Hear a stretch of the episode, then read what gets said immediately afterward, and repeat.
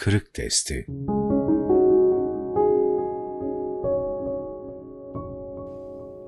Hizmetin başka ekollerle kıyaslanması.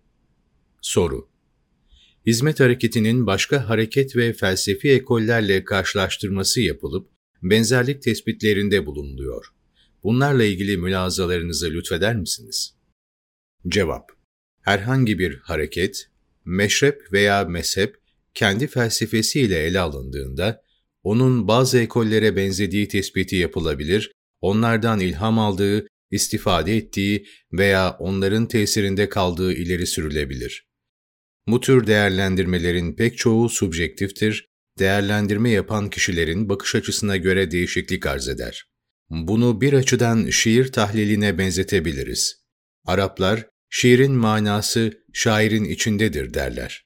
Aynen bunun gibi hizmet hareketine bakan insanlar da kendi düşünce ve birikimlerine, arzu ve beklentilerine göre bir kısım sonuçlara ulaşacak, onunla daha başka yapı ve organizasyonlar arasında bir kısım bağlar kuracaklardır. Mesela farklı düşünceden insanlarla diyalog içinde bulunma, hizmetin başlıca faaliyet alanlarından ve en önemli hedeflerinden biridir. Farklılıkları saygıyla karşılama, ortak problemlere ortak çözümler üretme, uzlaşma ve paylaşma kültürünü geliştirme, askeri müştereklerde bir araya gelme ve kavgasız bir dünya inşa etme gibi değerler, hizmetin önem verdiği hususlardır. Bunları inceleyen bir araştırmacı, kendince bir kısım çıkarımlarda bulunup, diyalog yapan bazı organizasyonlarla hizmet arasında bir bağ kurmayı düşünebilir. Diyalog anlayışımız bir hareketin düşünce yapısı, hedefleri, ona yön veren temel dinamikleri tam olarak anlaşılmadan, o hareketin mahiyeti ya da neye benzeyip benzemediği hakkında yapılacak değerlendirmeler hep sığ, sathi kalacak, dolayısıyla yapılan bu sığ ve sathi değerlendirmelerin doğru çıkma ihtimali de az olacaktır. Yukarıda verdiğimiz diyalog örneği üzerinden devam edecek olursak, biz diyalog derken ne anlıyoruz? Diyalogla neyi hedefliyoruz? Bunu gerçekleştirme adına hangi vesileleri kullanmayı tercih ediyoruz? Önce bunların çok iyi bilinmesi gerekir. İsterseniz bu diyalog konusunu biraz açalım. Biz, insanların barış ve huzur içinde yaşadığı kavgasız, gürültüsüz, savaşsız bir dünya arzuluyor ve böyle bir dünyanın kurulabilmesi için elimizden geleni yapıyoruz. Her şeyden önce Yaptığımız bütün bu faaliyetleri dinimizin bir emri olarak görüyor, Cenab-ı Hakk'ın rızasının bunlara bağlı olduğunu düşünüyor ve onu elde etmeye çalışıyoruz. Bizim dini kaynaklarımızdan süzüle süzüle gelen milli bir mefkuremiz, ciddi bir müktesebatımız, zengin bir kültürümüz, ötelere açık değerlerimiz ve bu manada sırtımızda taşıdığımız kutsal bir emanetimiz var. İnsanlığın bunlarla tanışmasını arzuluyor, bunlardan istifade edeceğini düşünüyoruz. Sahip olduğumuz adalet ve hakperestlik düşüncesini, sevgi ve şefkat hislerini, hayat felsefesini, Rabbimizin ve insanlığın iftihar tablosunun adını herkese duyurmak, her yere ulaştırmak istiyoruz. Yakından tanıdıkları takdirde çoklarının bunları hüsnü kabulle karşılayacağına ve bunların insanlığa hayır ve fayda getireceğine inanıyoruz.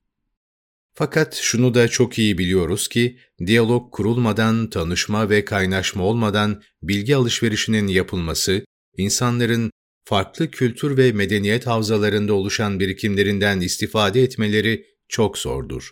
Hele farklı milletlere, dinlere, kültürlere mensup insanlar arasında kin ve düşmanlık hisleri hakimse birbirlerini yanlış tanıyor, yanlış tanımlıyor ve vahşiler gibi görüyorlarsa, ötekinden gelen hiçbir şeyi kabul etmeyeceklerdir.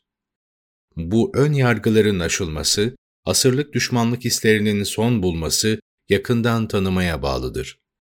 Birlikte yaşayarak insanların sizi şahsi, ailevi ve içtimai hayatlarınız itibariyle yakından tanımalarına fırsat vermelisiniz. Siz, hiçbir şey anlatmasanız bile, eğer mana köklerinizden tevarüs ettiğiniz değerleri mükemmel bir şekilde temsil ediyor ve bu temsilinizde süreklilik arz ediyorsa, zaten fıtri bir etkilenme ve kabullenme gerçekleşecektir. Bu olmasa bile en azından kendinizi ve kendi değerlerinizi doğru bir şekilde tanıtma, yanlış aktarımlardan koruma imkanı elde etmiş olacaksınız. Kim bilir, belki de böyle bir diyalog süreci, kültürler arasında yeni aşılanmalara yol açacak, insanlık bugüne kadar sahip olduğu düşünceleri, hayat felsefelerini, dünya görüşlerini bir kere daha gözden geçirme ihtiyacı duyacaktır. Belki mütefekkir ve entelektüeller, şimdiye kadar sahip oldukları felsefe ve bakış zaviyelerini yeniden ele alacak, onları rötuşlama lüzumu duyacaklardır. İşte biz diyalog derken, bütün bu mülazaları göz önünde bulunduruyoruz. Bize düşen vazife, insanların birbirlerini doğru tanımaları ve anlamaları adına elverişli ortamların hazırlanması ve fikir hürriyetinin önündeki engellerin bertaraf edilmesidir. İman ve hidayete gelince, o konudaki genel yaklaşımımız, imanın dindeki tarifine bağlıdır. Din, akıl sahiplerini hür iradeleriyle hayra sevk eden ilahi sistemler mecmuasıdır. Dinde zorlama yoktur. Ayeti, çok önemli bir prensip vaz eder. Dinde baskı ve zorlamanın her çeşidi yasaklanmıştır. Baskı ve zorlamanın yanında demagoji ve diyalektik propaganda ve algı yönetimi gibi yöntemler de dini hakikatlerin anlatılmasında meşru yol ve vesileler olarak görülemez. Esasında özü itibariyle hak olan değerlerin buna ihtiyacı da yoktur. Ancak özünde eğrilik ve çarpıklık bulunan düşüncelerdir ki başkalarına dayatılır ve zorla kabul ettirilmek istenir. Eğer sizin sahip olduğunuz fikirlerden, değerlerden, dünya görüşünden şüpheniz yoksa, bunları ortaya serdikten sonra beğenilip beğenilmeyeceğinden endişe etmenize gerek yoktur. İnsanları özgür iradeleriyle baş başa bırakmalısınız. Hatta bu konuda o kadar objektif davranmalısınız ki, sizin yanınızda yer almak isteyen insanlara, bugüne kadar saygı duyduğun ve kabul ettiğin değerleri bırakarak yeni bir değerler manzumesine kendini bağlamak istiyorsun. Bunda kararlı mısın? İyice düşünüp taşındın mı? Önceki yerinden ne zarar gördün veya burada ne gibi bir faikiyet gördün ki böyle bir karar alıyorsun gibi sorular sorarak yeniden meseleyi değerlendirmeye davet etmeli, bu değerler manzumesini sağlam bir fikri temeller üzerine kabul etmesini sağlamalısınız. Bu tavrınızla insanların bir anlık hissiyatla radikal kararlar alıp daha sonra bu kararlarından sabit kadem olamamalarının önüne geçmiş olursunuz. O zaman gerçekten inanan, meseleye gönülden sahip çıkacak insanları bulursunuz. Zira kalbiyle, gönlüyle birlikte size gelmeyen insanlar daha sonra problemlere sebep olacak ve uzun süre işin içinde kalamayacaklardır. Görüldüğü üzere insanların iman etmeleri bir dini, bir inanç ya da düşünce sistemini kabul etmeleri bütünüyle onların hür iradeleriyle ve özgürce yapacakları tercihlerle yapılması gereken bir şeydir. İşte bizim diyalog vasıtasıyla yapmaya çalıştığımız şey de bir taraftan insanlık alemindeki şiddet, düşmanlık, radikalizm, terör ve savaş gibi olumsuzlukları gidererek dünyada sulh ve barışın hakim olmasına katkıda bulunmak, diğer yandan da insanların farklı din ve kültürlere ait değerleri tanımaları ve istifade etmelerinin önündeki engelleri bertaraf etmektir. Biz, diyalog vasıtasıyla hem her yere gitmek, herkesle tanışmak ve bize ait evrensel insani değerleri herkesle tanıştırmak, hem de başkalarının sahip olduğu güzelliklerden istifade etmek istiyoruz. Bu, Peygamber Efendimizin bize gösterdiği bir hedeftir. O, sallallahu aleyhi ve sellem bir hadisi şeriflerinde, benim adım güneşin doğup battığı her yere ulaşacaktır buyuruyor. Burada hem gaybi bir meseleyi haber verme söz konusudur, hem de bir hedef gösterme. Bunu şöyle anlayabiliriz. Benim ümmetime düşen vazife, Muhammedi ruhu ve Kur'ani manayı dünyanın dört bir yanına ulaştırmak, tüm mahrum ve muhtaç gönüllere duyurmaktır. Biz bunu hem bir vazife ve sorumluluk görüyor, hem de nail olduğumuz bunca nimete karşı yerine getirilmesi gereken bir kadir şinaslık sayıyoruz. Kabul edip etmemekse muhataplara kalmıştır. Şimdi sizin bu gayeyle ve bu şekilde yaptığınız diyalog faaliyetlerini dışarıdan bir gözle değerlendiren bazı araştırmacılar, yukarıda ifade etmeye çalıştığımız hususları tam göremeyebilirler. Duygu ve düşünceleriniz itibariyle sizi tanımayan insanlar, ortaya koyduğunuz cehd ve gayreti başka din ve farklı ideolojilerin faaliyetleriyle kıyaslayarak bazen bunları bir çeşit misyonerlik faaliyeti olarak isimlendirebilirler. Daha başkaları sizin siyasi hedefler peşinde koştuğunuz vehmine kapılabilir, bugüne kadar farklı hareketleri tanımlamak için ürettikleri kalıp ve şablonlara mahkum edebilirler. Kimileri de sizin düşünce ve aksiyon adına ortaya koyduklarınızla bugüne kadar farklı fikir adamları tarafından ortaya atılmış diyalogla ilgili fikirler arasında bazı iltisak noktaları tespit ederek analizlerini bunlar üzerinde yürütebilirler. İnsan sevgimiz Aynı durum, adalet düşünceniz, eğitim anlayışınız, insana bakışınız, hukuk felsefeniz, dünya görüşünüzle ilgili olarak da ortaya çıkabilir. Bazı araştırmacılar, sizin bu gibi konulardaki yaklaşımlarınızla farklı beşeri tecrübeler ve felsefi akımlar arasında benzerlikler bulup, sizi onlarla aynı kategoriye sokabilirler. Söz gelimi sizin insana bakışınızı batıda gelişen hümanizm kavramıyla anlatabilirler. Bu kısmen doğru olsa da eksiktir.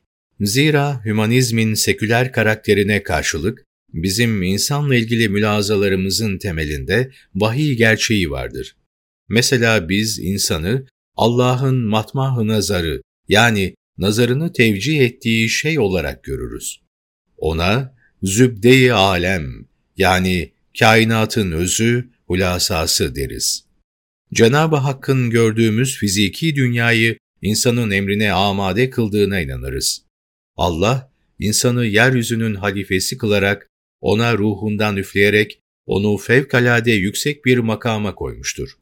Bizim insan sevgimizin temelinde de Allah'ın değer verdiği bir varlığa değer verme düşüncesi yatar.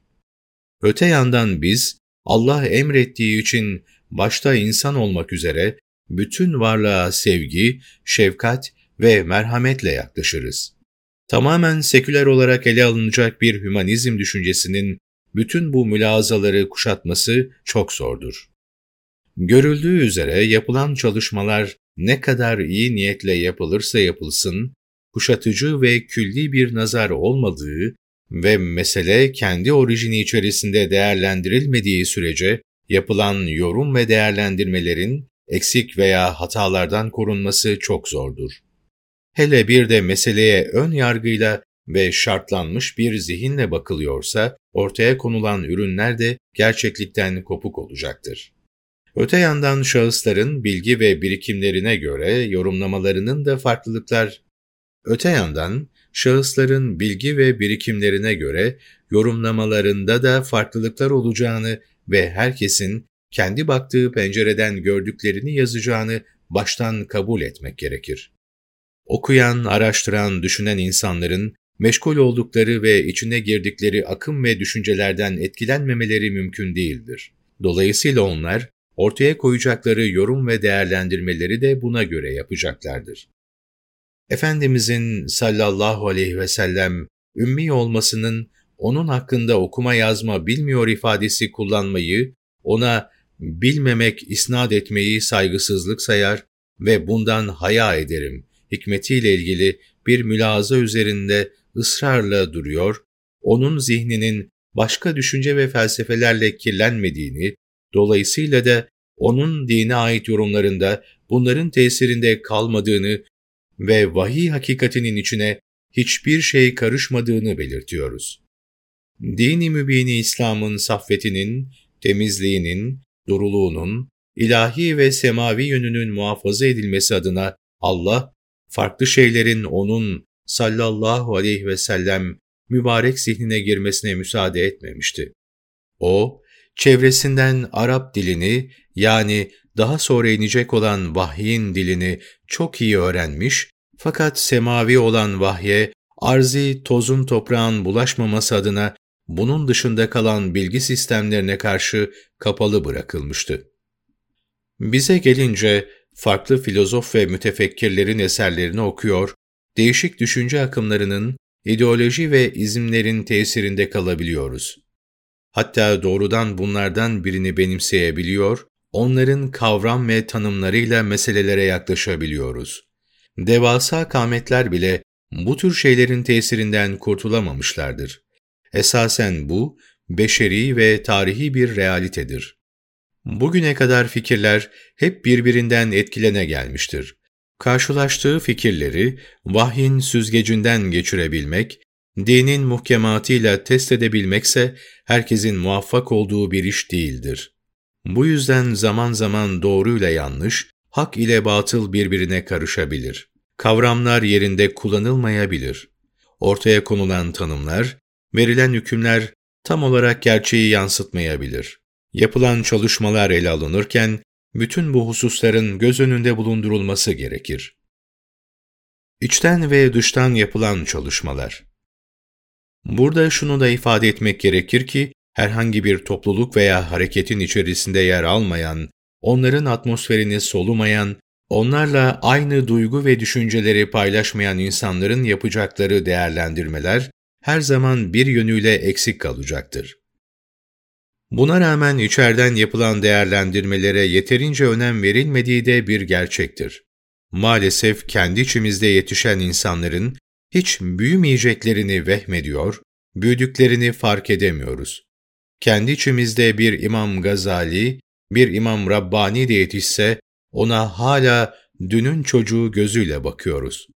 Ne kadar mualla olurlarsa olsunlar, ülfet ve ünsiyetten dolayı onları hep mukassi görüyoruz. Dışarıdan tanıdığımız insanları ise koyacak yer bulamıyor, farklı farklı takdir ve hürmet ifadeleriyle onları el üstünde tutuyoruz. Gerçi içeridekiler de içeride olmanın verdiği ruh haletiyle dışarıya doğru karşılaştırma yapamayabilirler. Tıpkı denizdeki balıkların suyu fark edemedikleri gibi veya kendini zulmetsiz ziya içinde bulan insanın ziyanın çerçevesini bilememesi, kıymet ve değerini takdir edememesi gibi. Kendilerini belli bir akıntı içinde bulan, başka akıntıları görmemiş insanlar, onun farklılığını duyamayabilir, derinliğini ölçemeyebilir, vaat ettiği şeyleri yeterince anlayamayabilirler. Buna karşılık dışarıdakiler gördükleri yeni bir şeyin kaynağını, mahiyetini, dinamiklerini merak edip araştırırlar. Bu da onların avantajı. Buraya kadar yapılan izahlardan, hizmet hareketi üzerinde çalışma yapılmasına veya onun başka akım, hareket ve felsefelerle karşılaştırılmasına dair olumsuz bir tavrımızın olduğu gibi bir mana anlaşılmamalıdır. Biz, sadece bu tür çalışmaların ortaya koyacakları değerlendirmelerin, sıhhat ve objektifliğinin önünde ne tür zorluklar bulunduğuna dikkat çekmeye çalıştık. Yoksa bu hareketle farklı şahıs, organizasyon ve ideolojiler arasında pek çok irtibat kurulabilir, farklı tahlil ve izahlar getirilebilir. Bizler bu tür çalışmalardan istifade etmeye çalışırız. Çünkü aklın, mantığın, muhakemenin bir hikmeti vücudu vardır. Bunlar iyi kullanıldığı takdirde önemli sonuçlara ulaşılabilir. Fakat bir kısım benzerliklerden yola çıkarak hemen hizmeti bir şeye nispet etmek, bir başka hareketle iltisaklı olarak tanımlamak doğru değildir. Meseleye edebiyatta kullanılan tevarüt kavramıyla yaklaşabiliriz. Öyle olmuştur ki iki şair aynı mısrayı söylemişlerdir de birbirlerinden haberleri bile yoktur. Aynen öyle de aynı sevdayı taşıyan, aynı dertle dertlenen, aynı problemlerin ızdırabını ruhunda duyan insanlar, topluluklar, farklı yer ve zamanlarda bulunsalar da benzer yaklaşımlar, benzer düşünce ve aksiyon pratikleri ortaya koymuş olabilirler. Nitekim bazı Grek filozoflarının düşüncelerine bakılacak olursa, peygamberlerin getirmiş olduğu vahiy ile örtüşen önemli yaklaşımlar bulunduğu görülecektir. Bunu onların saf kalpleriyle, temiz akıllarıyla, sağlam muhakemeleriyle ortaya koydukları içtihatlarında isabet etmeleri olarak değerlendiririz.